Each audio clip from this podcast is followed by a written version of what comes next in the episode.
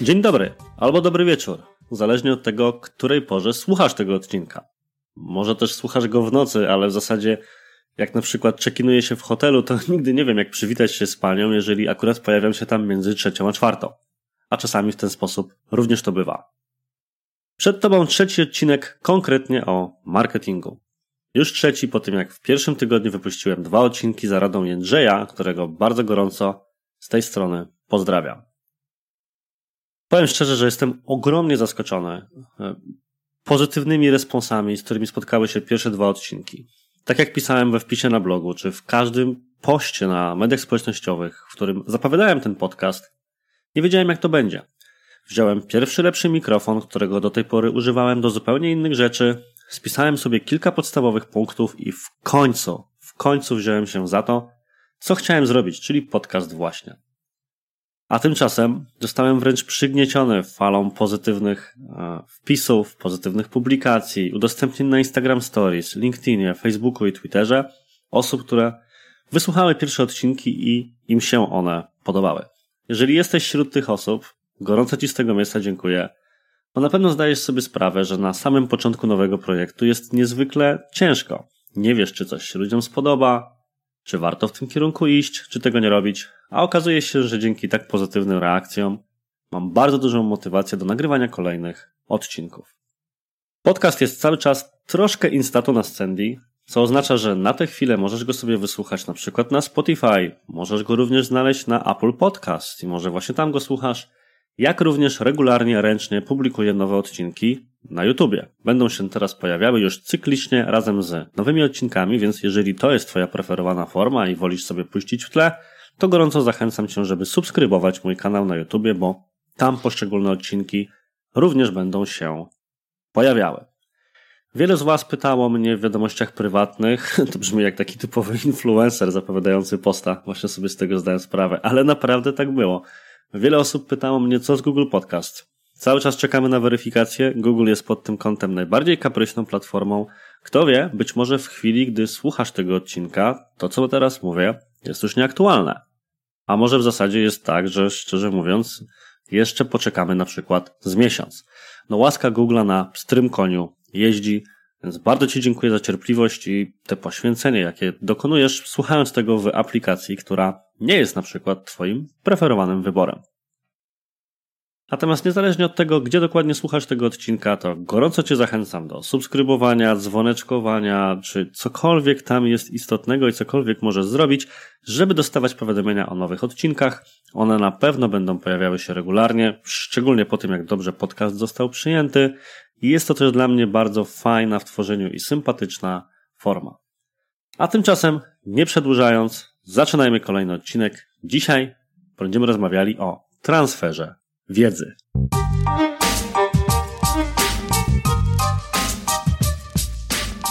Jeżeli pracujesz w jakiejś firmie, to tak naprawdę wiedzę zdobywasz zazwyczaj na jeden z dwóch sposobów. Pierwszy z tych sposobów to jest codzienna praktyka. W przypadku moim i mojej agencji jest to po prostu ustawianie reklam, tworzenie treści, publikowanie tych treści, czy inna typowo agencyjno-reklamowa robota. Drugim najczęściej spotykanym sposobem są na przykład wszystkie inne zewnętrzne formy pozyskiwania wiedzy od autorytetów, branżowych celebrytów czy źródeł wiedzy, takich jak szkolenia, konferencje czy ewentualnie książki. W Digitalk mamy firmową biblioteczkę z uwagi na to, że jesteśmy firmą zdalną, zbieramy tam e-booki, czy kupujemy sobie różnego rodzaju kursy online, jak również mamy dostęp do tych, które ja oczywiście wypuszczam. I szkolenia, konferencje czy książki, one wszystkie są jak najbardziej super. Natomiast to jest mimo wszystko poleganie na cudzych zasobach. Tymczasem uważam, że największa siła tkwi tak naprawdę w moim własnym zespole i w Twoim własnym zespole. Powinno być więc tak, że wiedzę pozyskujesz właśnie od nich. To znaczy, że poszczególni specjaliści uczą się od siebie nawzajem. Jako szef firmy lub jako pracownik jakiejś firmy jest bardzo łatwo wpaść w taką pułapkę myślenia, że wszyscy wiedzą dokładnie tyle samo. Dokładnie w ten sam sposób rozwiązują poszczególne problemy. Kiedy mają jakieś wyzwanie, to zabierają się do niego zgodnie z jakimś określonym procesem i tak dalej, i tak dalej. I dopiero w trakcie rozmów czy spotkań wychodzi na jaw, jak mylny to jest pogląd. I ja bardzo wiele razy musiałem się łapać na tym, że właśnie wychodziłem z założenia, że moi ludzie wiedzą dokładnie tyle samo co my. I choć teoretycznie jestem świadom tego, że jest takie zjawisko jak klątwa wiedzy, o którym kiedyś nagrywałem już filmik na YouTube, do którego cię odsyłam, ewentualnie do wpisu na blogu, to mimo, że jestem tego świadomy, że inni wiedzą mniej bądź więcej od nas, albo niekoniecznie mają pewne informacje przyswojone w ten sam sposób, to okazuje się potem, że łatwo jest o tym w codziennej pracy zapomnieć. Tymczasem powinno być tak, i z takiego założenia od jakiegoś czasu wychodzę, że jeżeli jeden specjalista w firmie coś wie, to wszyscy inni powinni to wiedzieć. Problem polega na tym, żeby znaleźć takie metody przekazywania tej wiedzy, które po pierwsze będą regularnie wykorzystywane, a po drugie będą wszystkim pasować. I zauważyłem, że w bardzo dużej części firm nie ma procedur, mechanik czy technik, które pozwalałyby właśnie wymieniać się wiedzą wewnątrz zespołu. Natomiast uważam, że jeżeli mam wysłać kogoś na zewnętrzne szkolenie, to najpierw powinienem się zorientować, czy to w moim zespole nie ma osób, które taką wiedzę już posiadają. Wykorzystanie swoich ludzi jako na przykład wewnętrznych trenerów to super sprawa, chociażby z tego powodu, że po pierwsze, ludzie uczą się czegoś nowego, ale po drugie, ta osoba, która została poproszona o przygotowanie takiej prezentacji czy szkolenia, też czuje się dowartościowana i ma okazję zobaczyć, jak to jest, kiedy przekazuje się swoją wiedzę innym. Dlatego bardzo gorąco polecam takie rozwiązanie. I na własny użytek, korzystając albo z rozmów z innymi, bądź ze swoich własnych pomysłów, wypracowaliśmy w Digitalk kilka metod dzielenia się wiedzą wewnątrz organizacji. Część z tych metod jest już wdrożona, część jest w trakcie wdrażania i wszystkim je polecam, bo wiem, że to zrobimy i wiem, że to będzie dobrze. I dlatego postanowiłem też nagrać właśnie o tym odcinek dzisiejszego podcastu. Przed Tobą więc trzy metody dzielenia się wiedzą wewnątrz organizacji. Metoda numer jeden. Prezentacja przed zespołem. W Digitalk mamy coś takiego, że jako firma zdalna oczywiście na bieżąco komunikujemy się między sobą codziennie, organizując wideokonferencje, telekonferencje, czy po prostu rozmawiając na Slacku czy w Asanie. Natomiast raz na tydzień, w środę o 10 odbywa się coś, co od nazwy firmy nazwaliśmy Digicall. Digicall to walne zebranie, na którym wszyscy się zjawiają i na którym omawiamy na przykład jakieś bieżące sprawy firmowe. Wyciągamy wnioski z bieżących projektów, jest trochę śmiechu i zabawy, wprowadzamy nowe, nowe osoby do zespołu i tak dalej, i tak dalej. Od kilku miesięcy natomiast wprowadziliśmy też jeszcze jeden stały element DigiColi. Są to prezentacje członków zespołu przed resztą zespołu. Na początku roku przygotowaliśmy agendę i co dwa tygodnie jedna osoba z zespołu ma obowiązek przygotować krótką prezentację. Nigdzie nie jest skodyfikowane, czego ona ma dotyczyć, jaka ma być długa, czy ma być multimedialna, czy nie. To nie jest ważne. Istotne jest to, żeby ktoś wybrał aspekt, który jego zdaniem jest interesujący, jakiś aspekt powiązany z jego pracą i przedstawił reszcie swoje własne wnioski i przemyślenia na ten temat. Część osób z uwagi na to, że zajmuje się adsami, przygotowuje więc prezentacje wybitnie specjalistyczne. Inne osoby, które mają innego rodzaju zadania w firmie, dzieją się czymś całkiem odmiennym. Czyli na przykład było tak, że Marek niedawno przygotowywał prezentację na temat optymalizacji reklam na Facebooku za pomocą zmiany rodzaju rozliczenia budżetu. Zuza przygotowywała prezentację na przykład o tym, w jaki sposób należałoby wprowadzać zmiany na stronie internetowej, żeby zwiększyć konwersję, co jest ważnym aspektem naszej pracy również. A z kolei Mateusz przygotowywał prezentację o tym, jak zarządzać własnym czasem pracy. I każda z tych prezentacji jest cenna z zupełnie innego powodu. Wiedza typowo specjalistyczna na pewno przyda się do tego, żebyśmy po prostu lepiej prowadzili kampanię, ale z drugiej strony organizacja własnej pracy pozwala nie tyle może wcisnąć więcej, ale przede wszystkim krócej być może zajmować się pewnymi rzeczami i nie rozpraszać, łatwiej otrzymywać skupienie, czy ten słynny, mityczny stan flow. Więc mówię o tym dlatego, że w zasadzie każdy członek zespołu wie, że czeka go prezentacja. Więc to nie jest tak, że prezentacje są wyłącznie dla tych, którzy zajmują się bieżącą pracą roboczą, ale mogą dotyczyć wielu różnych aspektów i rozwijać nie tylko twarde, ale i miękkie umiejętności. Sprawa jest super. Po każdej prezentacji są pytania, są dyskusje, ale przede wszystkim pozytywny feedback i gratulacje. Z mojej perspektywy główną korzyścią jest nawet nie tyle to, że w tym momencie zespół edukuje się nawzajem, ile to, że ma okazję zaprezentować swoje własne wyniki. Nabiera więcej wiary we własne kompetencje, czy po prostu uczy się przekazywać wiedzę i informacje w zrozumiały sposób. Jeżeli jestem w stanie wytłumaczyć coś swoim kolegom czy koleżankom, tym, którzy na co dzień na przykład nie zajmują się Facebook Adsami, to będę w stanie również przekazać coś takiego klientowi, który pojawia się u nas i niekoniecznie musi znać branżowy żargon. Ale przede wszystkim ten kluczowy aspekt to właśnie aspekt wymiany wiedzy i wyrównywania gruntu, jak ja sobie to roboczo nazywam, żeby okazało się, że każdy specjalista, który wie jedną rzecz, dba o to, żeby inni również to wiedzieli. Kilka tygodni na przykład wspomniany już Marek miał swoją prezentację i omawiał tam optymalizację budżetu poprzez zmianę rodzaju budżetu na całkowity i coś, co nazywamy odświeżeniem kampanii. Niedługo zrobię, myślę, o tym odcinek, być może nawet z Markiem, bo jest to naprawdę ciekawy temat. I okazało się, że choć nigdy ze sobą na ten temat nie rozmawialiśmy, to ja, Marek i Maja doszliśmy do dokładnie tych samych wniosków na temat optymalizacji kampanii, niezależnie od siebie. I to jest super, ponieważ w tej chwili Marek widzi, że jakaś rzecz jest dobra, ja również widzę, że jest dobra, Zuza i pozostali. Każdy może zauważyć, że to już nie jest jednostkowy przypadek, ale że jest to pewien powtarzalny schemat w większej liczbie kampanii. Co prowadzi nas bezpośrednio do drugiego sposobu wymiany wiedzy w firmie. W tym przypadku jest to coś, co ja na własny użytek naszego zespołu nazwałem wyzwaniami optymalizacyjnymi. Najłatwiej jest mi się posłużyć odniesieniem do naszego świata, więc powiem to w, w kontekście świata agencji reklamowych. Reklama płatna, PPC tak zwana, to jest dynamiczny świat. Świat, który ciągle się zmienia.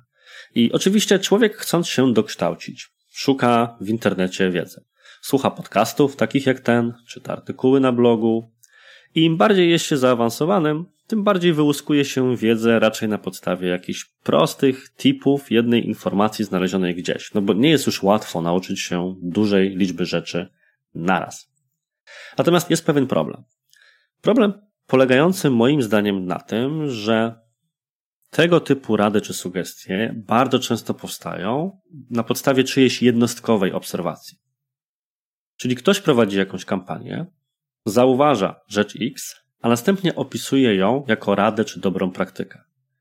Czyli ta rada, która często jest przedstawiana jako prawda objawiona albo przynajmniej obowiązujący sposób, że to dokładnie tak działa w algorytmie, nie powstała w oparciu o setki eksperymentów, ale co najwyżej o kilka. I to jeszcze prowadzonych przez jedną osobę w jeden sposób. Nikogo oczywiście nie mam zamiaru z tego powodu krytykować. Spokojnie można w ten sposób działać i ja często wykorzystuję takie jednostkowe informacje z czyjegoś doświadczenia, żeby poprawiać swoje kampanie. I bardzo często dzięki temu są lepsze. Natomiast to był problem, który stwierdziłem, że należałoby w naszym zespole zaadresować. Ten sposób powstało coś, co nazwaliśmy właśnie wyzwaniami optymalizacyjnymi. I jest to coś, co polecam każdej firmie, bo na pewno da się to zaadaptować do specyfiki pracy najróżniejszych zespołów. O co dokładnie chodzi?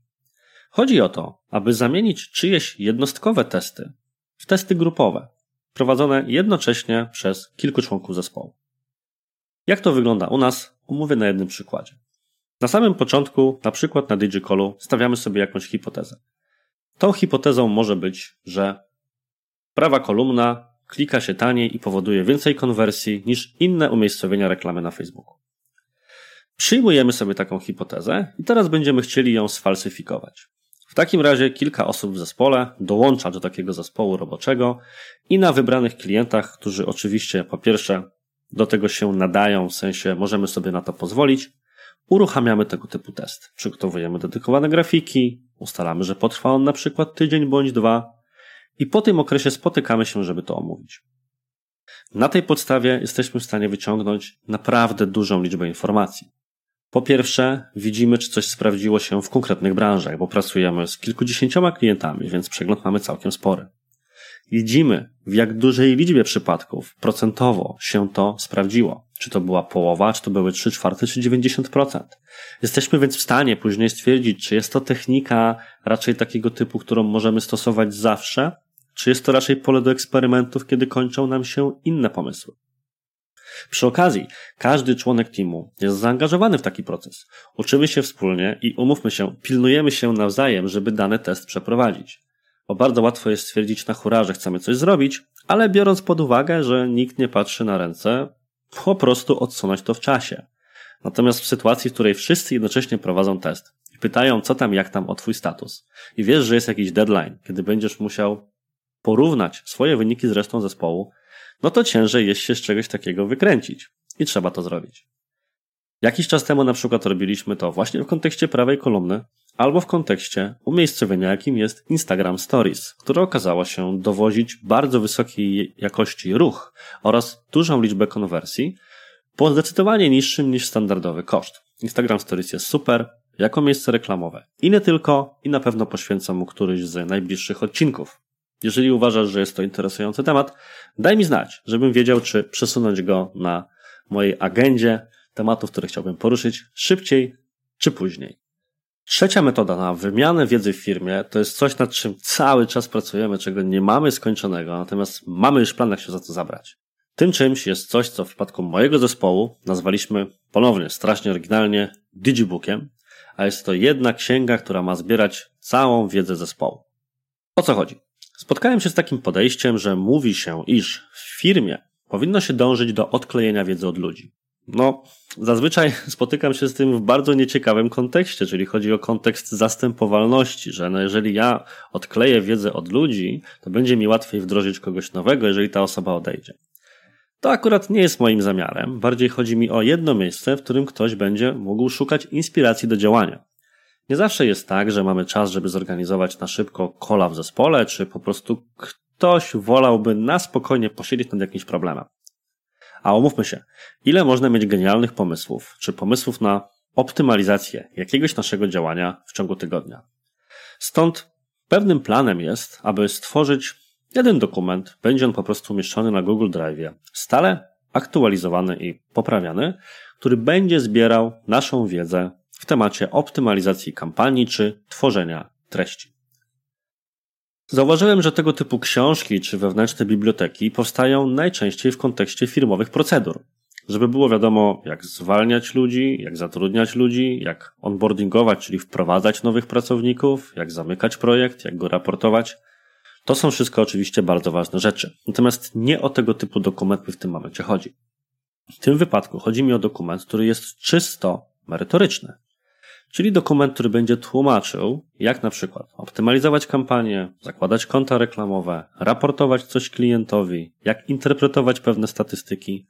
Generalnie chodzi właśnie o wymianę wiedzy. Bardzo długo zbierałem się do tego, żeby taki dokument tworzyć. Miałem ambitny plan, że albo zrobi go jedna osoba z zespołu, albo zrobię go ja osobiście.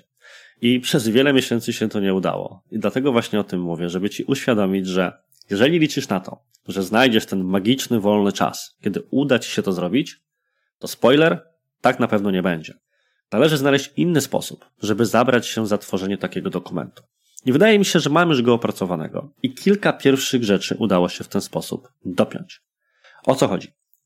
Poproś ludzi z zespołu, którzy wykonują jakieś zadania, żeby na przykład nagrywali, co robią.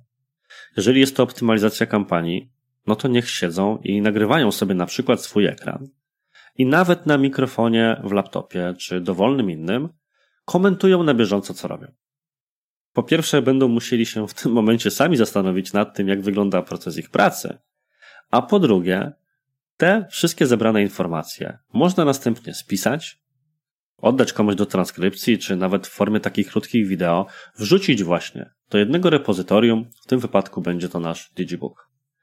Dzięki temu, po pierwsze, wiele osób może podzielić się swoimi praktykami, a po drugie, nie jest to jakaś osobna praca. Jasne, wykonanie takiego zadania, a przy okazji namysł nad nim i komentowanie go zajmie czas. Inaczej, wydłuży czas, który normalnie takie zadanie by zajęło. Natomiast na pewno będzie to dużo prostsze niż poprosić teraz pracownika, żeby usiadł i przypomniał sobie, jak dokładnie wygląda jakiś proces, który robił tydzień temu. Usłyszałem o takiej technice kiedyś w kontekście tworzenia procedur właśnie. Jeżeli chcesz stworzyć procedurę onboardingu nowego pracownika, to po prostu spisz w trakcie wdrażania obecnego nowego pracownika, co po kolei robisz. Jest to już jakaś podstawa procedury, którą później możesz wyszlifować. W kontekście zadań natury merytorycznej możesz zrobić dokładnie to samo. Natomiast różnica między na przykład naszą pracą, a optymalizacją, a onboardingiem pracownika jest taka, że no jednak nie jest to proces linearny. Zrobić można wiele rzeczy. Stąd ważne jest to, żeby była to perspektywa wielu osób w zespole. To właśnie dzięki temu będzie później można skonfrontować, mm, czy lepiej pójść tą ścieżką, czy inną. Idealnego i jednego procesu nie ma, ale fajnie jest wiedzieć, że jeżeli nie poszło mi z rzeczą X, to być może Y bądź Z będzie tą metodą, która z moim problemem pozwoli sobie poradzić. Chodzi więc o tworzenie scenariuszy i alternatyw, a nie jednego idealnego scenariusza, którym mielibyśmy podążać. I to tyle. Gorąco więc zachęcam Cię do opracowania mechaniki wymiany wiedzy w Twojej firmie między poszczególnymi pracownikami. Jest to z mojej perspektywy najlepsza forma edukacji i żadne szkolenie czy żadna konferencja chyba aż tak mocno się nie przyda, poza ewentualnie tematami, które są dla Twojego zespołu po prostu totalnie obce. Będą to więc prezentacje przed zespołem, coś co my nazywamy wyzwaniami optymalizacyjnymi i własna księga dobrych praktyk, coś co my nazywamy digibookiem. Bardzo gorąco dziękuję Ci za wysłuchanie tego odcinka. Jeżeli masz jakieś sugestie na temat tego, o czym powinienem powiedzieć w kolejnych, daj mi znać. Może być w komentarzu, może być mailem arturmałpa.digitalk.pl bądź dowolny inny z moich adresów, który znajdziesz w sieci. A jeżeli podobał Ci się ten odcinek, to zostaw łapkę w górę na YouTubie, recenzję w Apple Podcast, obserwuj na Spotify'u. Kurczę, powiem szczerze, zawsze mam wrażenie, że tego ostatniego segmentu już nikt nie słucha, więc nawet nie wiem, czy w zasadzie powinienem teraz coś mówić. Ale jeżeli Ci się podobało, to gorąco Cię proszę, zrób dowolną rzecz, jaka będzie informacją zwrotną, że właśnie Ci się podobało. Natomiast z mojej perspektywy jest to wszystko. Życzę Ci gorąco miłego dnia i do usłyszenia bądź przeczytania w kolejnych tygodniach. Cześć!